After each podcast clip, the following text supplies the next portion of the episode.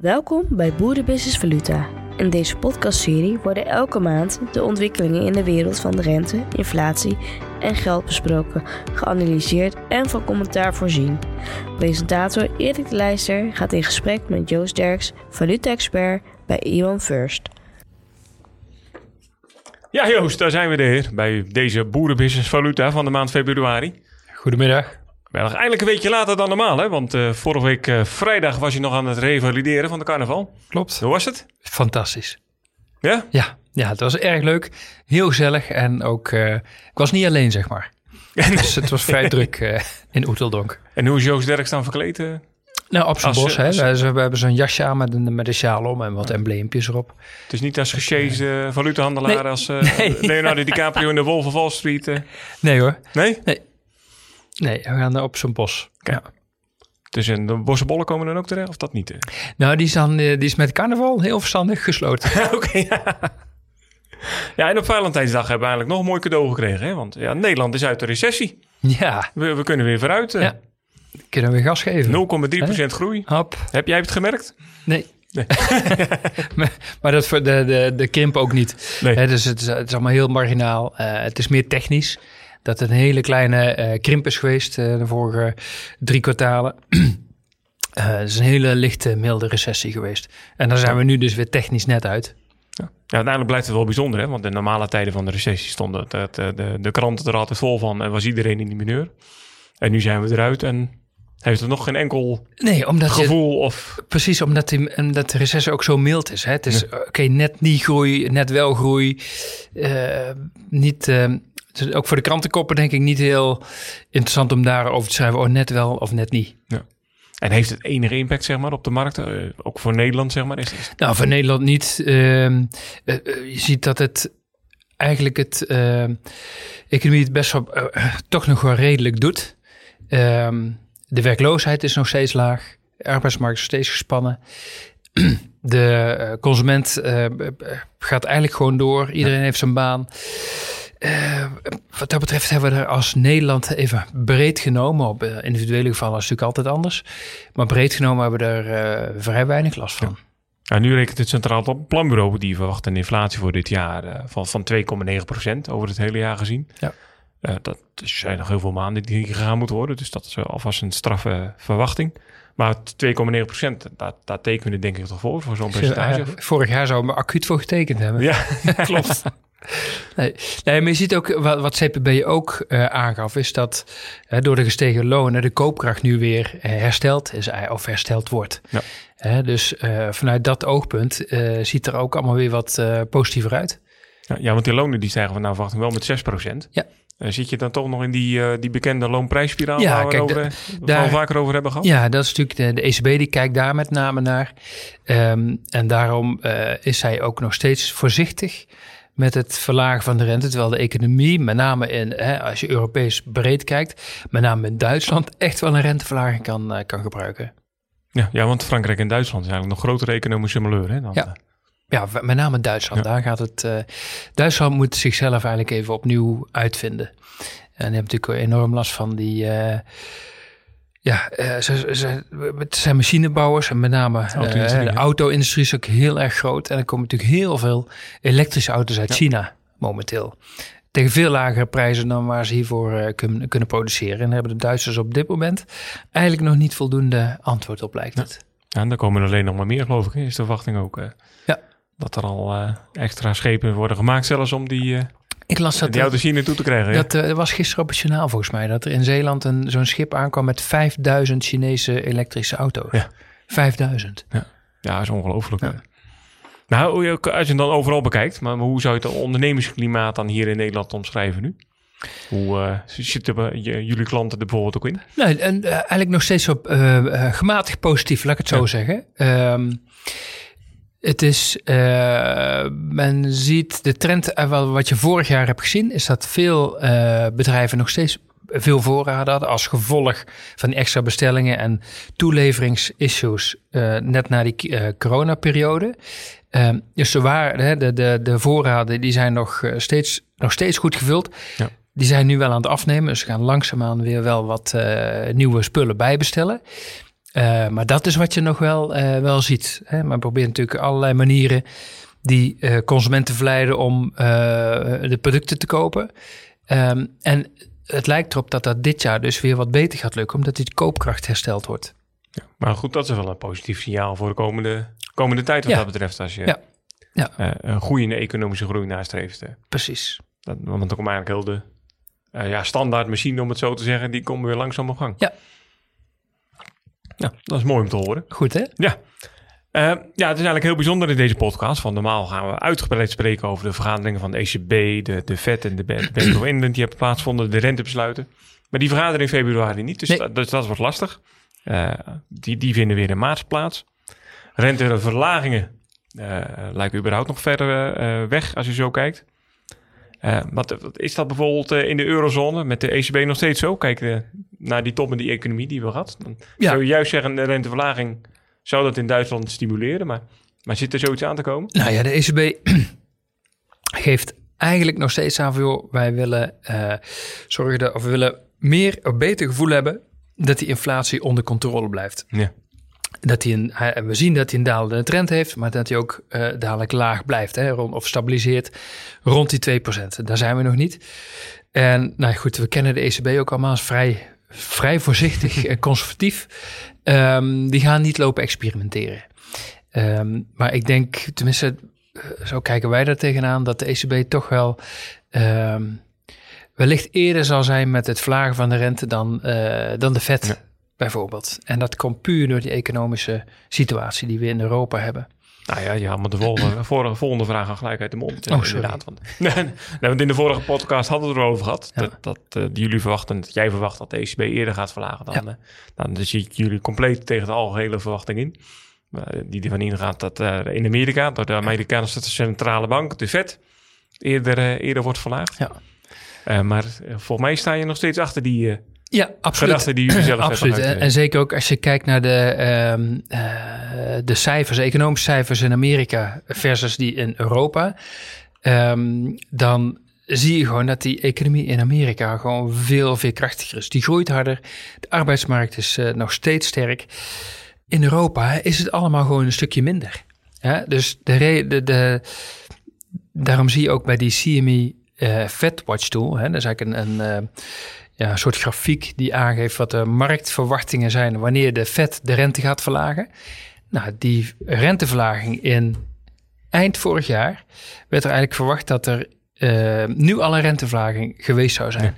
Ja. En bij iedere vergadering zo ongeveer dat het weer een kwartje naar beneden zou gaan. Nu is dat opgeschoven naar juni. Het is gewoon een half jaar ja. vertraagd. En dat de reden daarvoor is dat die economie het veel beter doet dan verwacht. De inflatie is wel aan het dalen uh, in Amerika. Mm, niet hard genoeg. Of ook daar wil de Fed meer bewijs zien dat het echt sub, uh, uh, duurzaam laag blijft. Maar als je dan ziet dat zo'n arbeidsmarkt gewoon zo krap blijft en dat er zoveel banen gecreëerd ja. worden, die zijn ook bang voor die loonprijsspiraal. En ja, we weten als er lonen stijgen, wordt uiteindelijk ook doorbreekt in producten. En dat is dus een veel structurelere prijsverhoging, lees inflatieverhoging, dan uh, even een grondstof ja. die even uh, tijdelijk duurder wordt. Dus dat, dat stukje um, uh, voor de Fed, die renteverwachting, is ook veel meer naar de toekomst eigenlijk vooruitgeschoven ja. voordat zij gaan verlagen. Dus het wordt nu waarschijnlijk pas juni. Ja, terwijl uit de notulen van de laatste vetvergadering, die, die komt pas na die vergadering, uh, drie weken na de vergadering, ja. worden die pas openbaar. Blijkt dat ook heel veel bestuurders uh, eigenlijk zeggen van, joh, uh, de rente van lager levert meer risico's op dan de rente Juist. van langere periode gelijk houden. Ja, ja, ze zeggen eigenlijk van, het is zo moeilijk om die inflatie onder controle te krijgen, dat ze liever dan maar uh, iets te lang de rente hoog houden. En dat zie je ook bij de ECB. Iets lang de rente hoog houden en wat dus economische groei kost. Dan te vroeg gaan, inflatie weer oplopen en dan weer op de rem moeten gaan stappen. En de rente ja. dus moeten gaan verhogen. Dat levert uh, op de langere termijn veel meer schade op dan zeg maar nu de rente iets, ja. wellicht iets te lang te hoog houden. Maar dat wel die inflatie onder controle blijft. En dan wordt het ook gelijk weer als zwalkend beleid gezien. Hè? Ja, ook dat. Ja, en, uh, weet je, in centrale banken, nou, dat, zijn, het is eigenlijk een soort van koordansen. Hè? Je moet, het is heel eh, complex en ehm, eh, je kijkt altijd in de achteruitkijkspiegel terwijl je vooruit rijdt. Dus je weet pas achteraf of je het goed hebt gedaan. Dus het is ook vrij logisch dat zij daar enige voorzichtigheid eh, betrachten. Maar de vorige keer zei je, joh, de, de, de ECB gaat voor de zomervakantie eh, voor de eerste keer de rente verlagen en de, en de vet daarna. Dus sta je daar nog steeds achter? Ja. Ja, en wij denken dat de ECB eerder gaat verlagen en wellicht al eh, voor de zomervakantie. Kijk, nou, mooi. Houden we die, eh, die boodschap houden we, Ja. houden we vast. Dan gaan we eens even de euro-dollar eh, erbij pakken, want dit is tenslotte een, een, een podcast Valuta. Ja. En we eh, gaan de dollar ook een beetje centraal stellen eh, verder in dit gesprek. De euro-dollar bi- bivakkeert al enige tijd rond de 1,08 dollar. Eh, had eh, op 13 februari nog wel even een, een fors dipje. Ja. Eh, het laagste punt in, in drie maanden. Eh, maar die redelijk stabiele koers die, die er nu is, ja, wat zegt dat? eh, zegt dat wat meer over de euro of wat meer over de dollar? Nee, ja, redelijk stabiel. Hij, hij, hij zwabbert een beetje zeg maar, tussen de nou, 107, 109, heel grofweg. Hè? Ehm, In, de, in dezelfde bandbreedte ja, inderdaad. ja hè, dus dat... ehm, en eh, wat zegt dat nu eigenlijk? Dat de markt eigenlijk ook niet precies weet welke kant gaan we nu op. Er zijn... ehm, Natuurlijk zitten met die centrale banken. Hè, wat gaan die met de rentes doen? Nou ja, wij denken dat ze zowel de Fed als de ECB dit jaar 0,5 tot 0,75 procent aan het eind van het jaar verlaagd hebben. Waarbij we denken dat de ECB dus net iets, iets eerder gaat dan, eh, dan de Fed.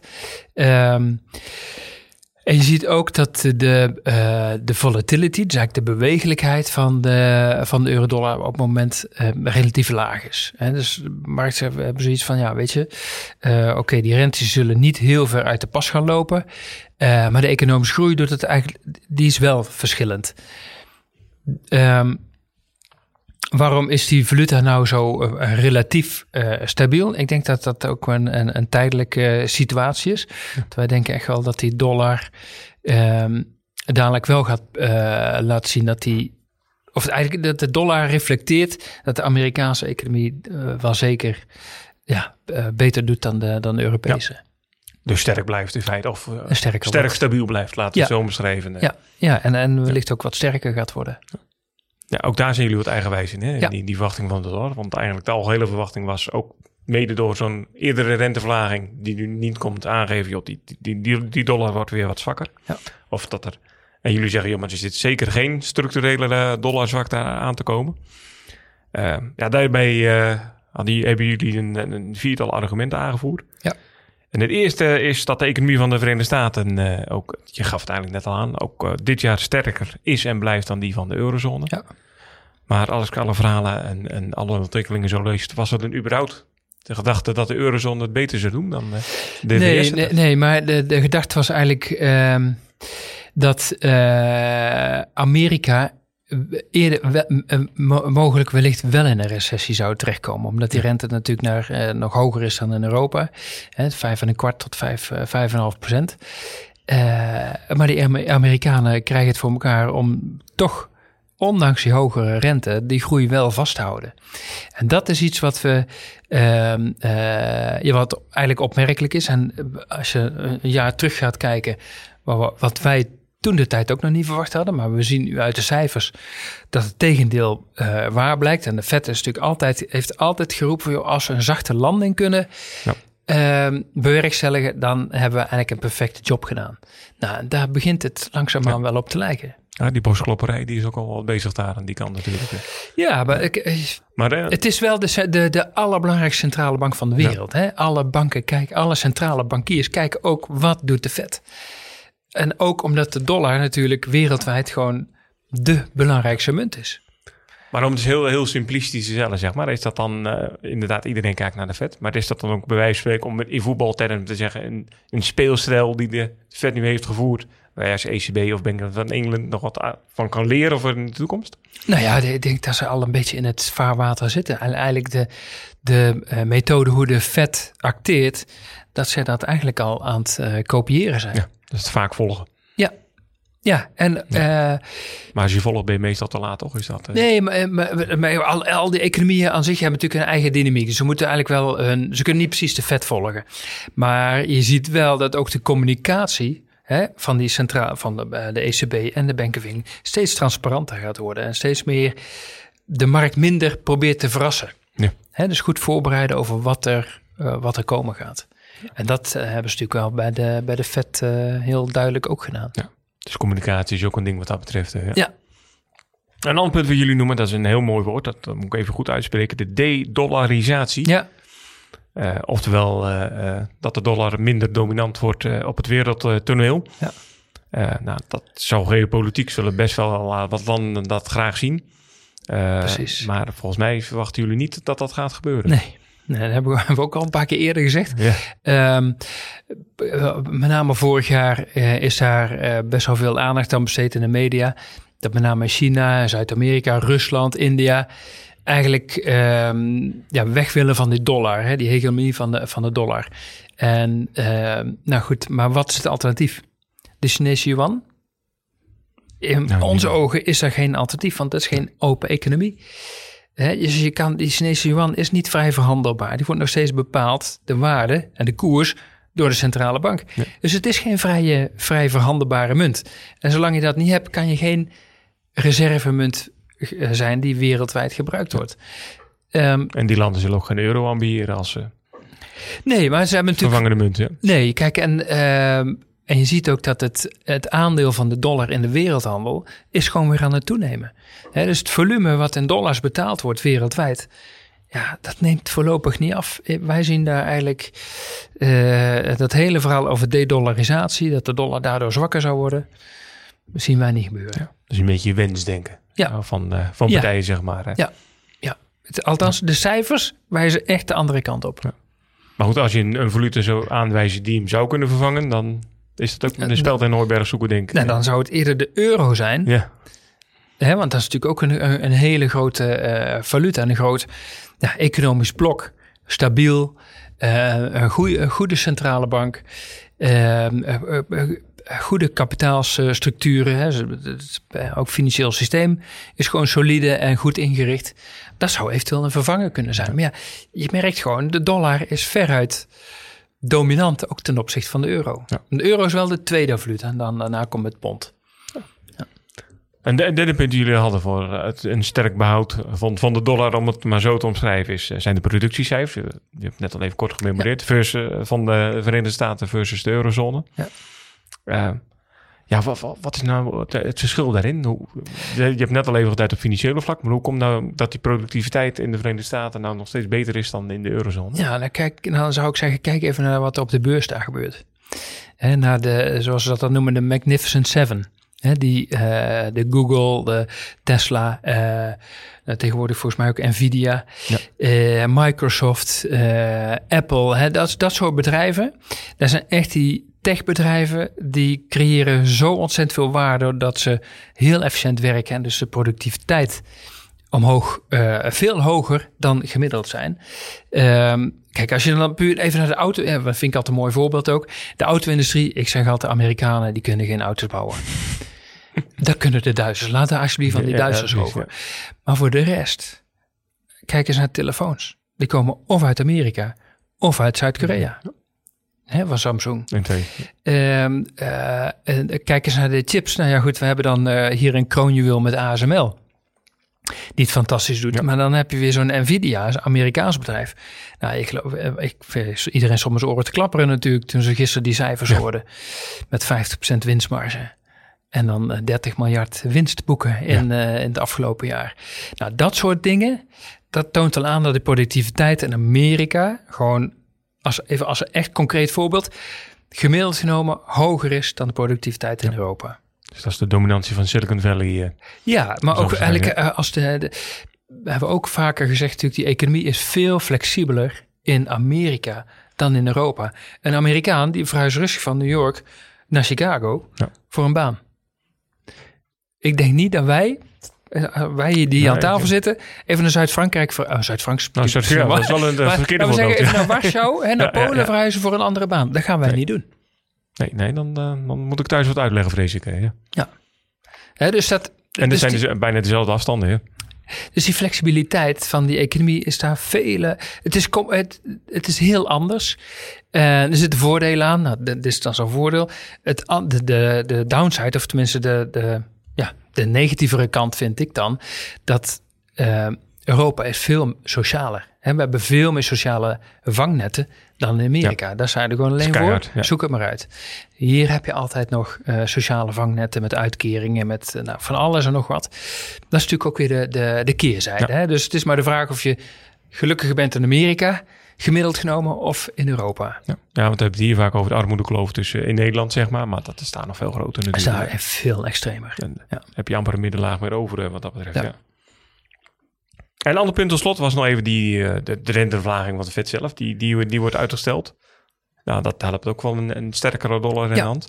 Maar de percentages die je net noemde voor de eurozone en eh, eh, Amerika, de Verenigde Staten, die nu verwachten, die vond ik eigenlijk nog best eh, ja, pittig om het zo te noemen als je het over een heel jaar rekent. Nee, maar als, als je kijkt naar wat de markt verwacht, die verwacht meer.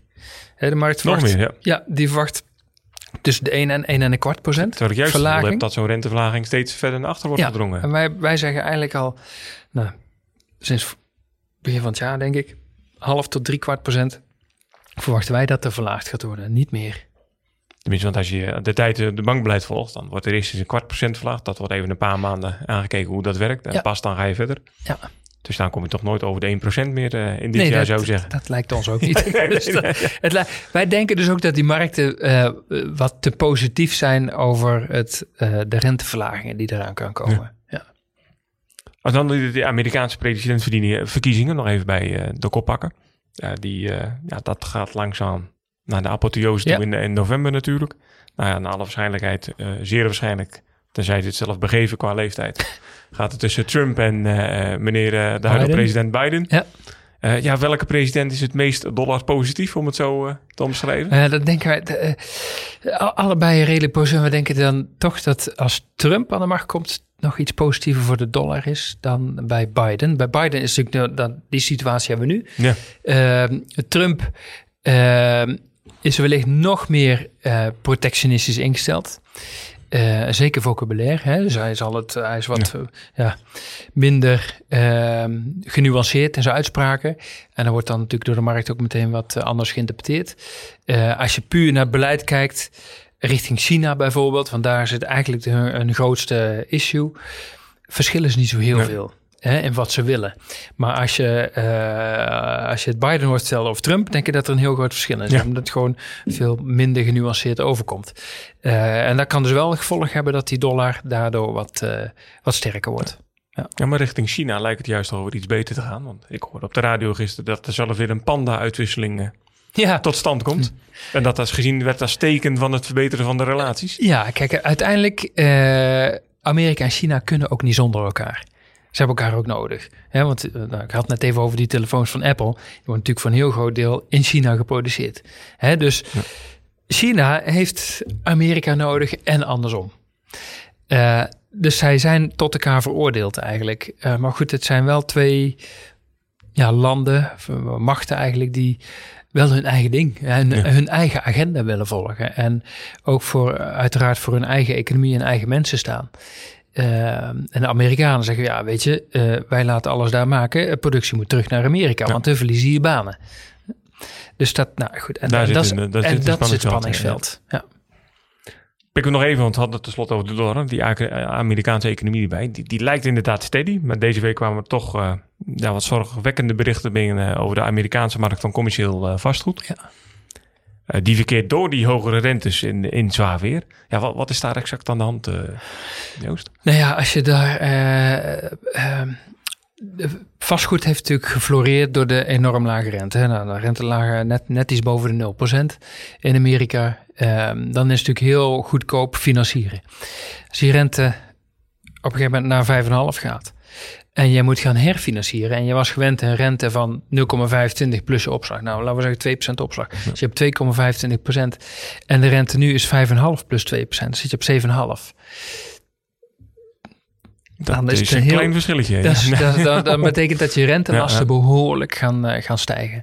Ehm, en dat betekent ook dat je dus eh, genoeg huurders moet hebben die ook de huurverhoging eh, kunnen gaan betalen om die rentelast weer, eh, eh, weer te kunnen betalen. Afgezien, en dan laten we nog even bij, en dat is, stond ook in het artikel van ja, het is maar de vraag in hoeverre de banken de werkelijke waarde van het vastgoed Ja.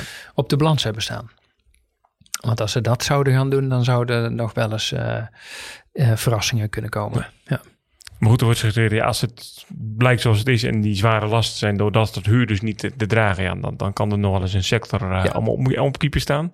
Maar is dit dan ook een, een, een sluimerende crisis die een, een, dark horse, zou ik zo kunnen zeggen, kan zijn voor de gezonde staat van de huidige Amerikaanse economie? Ja, Hoe moeten we dit interpreteren?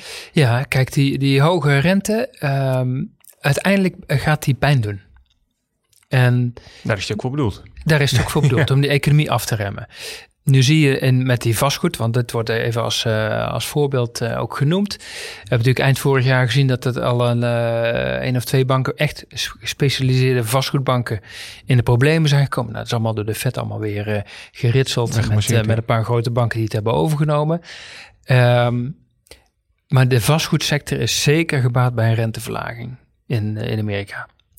Uh, overigens overal. Ja. Hè? Dus ook hier in, in Europa is het natuurlijk zo dat vastgoed vaak lang gefinancierd wordt. Op het moment dat de herfinanciering eraan komt en je hebt alles op één moment vrijvallend en je moet het gaan herfinancieren. Ja. Hè, dan zou ik zeggen, of, dan heb je probeer dat ook te spreiden, want ja. dat die schok niet te groot wordt. Maar als, je, als dat het geval is, dan heb je wel echt een, uh, een uitdaging. Ja. En dat is eigenlijk een beetje op grote schaal nu aan de hand in Amerika. En natuurlijk is het niet zo, of tenminste ik mag hopen dat die vastgoedfinanciers ook een soort van dakbankconstructie hebben. Dat niet alles in één keer vervalt, maar dat het gedurende de looptijd zeg maar uh, vrijvalt. Zodat je ook renteschokken wat, uh, wat geleidelijker uh, aan kan opvangen. Maar, maar kan is... dit een, een, bedreigend dingetje zijn voor de Amerikaanse economie daar? Of nou, is het, het vooral wel, een, een het, bewijs kan, van? het ja. kan wel een, een vervelend hobbeltje worden. ja. ja. Wat ook een, uh, om het eufemistisch te zeggen, een vervelend hobbeltje is. En wat net al over de combinatie uh, Verenigde Staten-China is, de, is de vastgoedmarkt in China. Ja. Die ligt al geruime tijd op zijn gat. Ja. Om het maar uh, even bot te omschrijven. Deze week kwam ook het nieuws dat het China 17 miljard dollar verstrekt aan de vastgoedsector. Om de boel weer een beetje op te lappen. Gaat dat helpen, denk je? ik hoop het. Ja. maar het lijkt me een druppel op een gloeiende plaat. Als je kijkt naar alleen de, de schuldenlast van wat was het, Evergrande, 290 ja. miljard? 70 miljard is voor Nederland veel, maar voor, uh, voor China, land China niet. Nee. nee. En wat, je, wat er in China natuurlijk in het verleden is gebeurd, en hebben we het, hè, we hebben wel eens op televisie gezien over, over die spooksteden. Er zijn gewoon uh, steden gebouwd met de bedoeling, ja mensen gaan daar maar wonen, maar niemand wil daar wonen. Of niemand woont daar nog, ja. of maar een heel beperkt aantal mensen. Of kan dat betalen, ja. Ja, dus wie heeft dat betaald? Weet je wel? Dus dat, daar staan complete steden die 2 miljoen mensen kunnen herbergen. Er, er, wonen misschien 100.000 mensen. Ja. 1,9 miljoen woningen zijn niet verkocht. Ja, daar moet je wel wat mee. En nou, hebben we hier in Nederland wel een woning. En, ja, nou, dat is toch een beetje moeilijk op te lossen. Ja. Maar ook de economie loopt in China traag. Hè? De, de, de, de, de consumptie loopt terug. Uh, zelfs sprake van deflatie. Ja. Uh, maar is China in staat om die economie, de ene grootste van de wereld, uh, te reanimeren? Of? Uh, Chinezen zijn er al een tijdje kunnen, mee bezig. best veel. En ze hebben uh, het, het voordeel van China is dat ze een hele lange termijn visie hebben.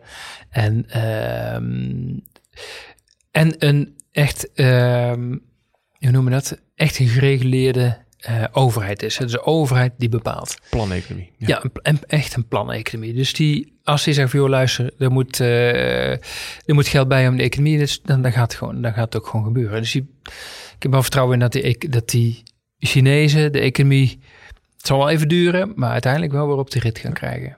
Ja, want ze hebben eh, ook zelf de, de rente nog iets verlaagd, hè? de Chinese ja. centrale banken. Ja. Dat is ook geen uh, vanzelfsprekendheid uh, daar. Uh, dus die druk die was vrij hoog. Ja. Maar, maar, gaat dat dan ook helpen? Heeft dat direct ook uiteindelijk helpt dat niet, nee, niet direct natuurlijk. Hè. Renteverhogingen en renteverlagingen werken altijd pas ja, na een tijdje door in de economie. maar het is meer ook psychologisch. Ja, Dat, dat, uh, dat zegt van je luister, wij staan klaar om maatregelen te treffen om het uh, bedrijfsleven ook uh, weer te ondersteunen.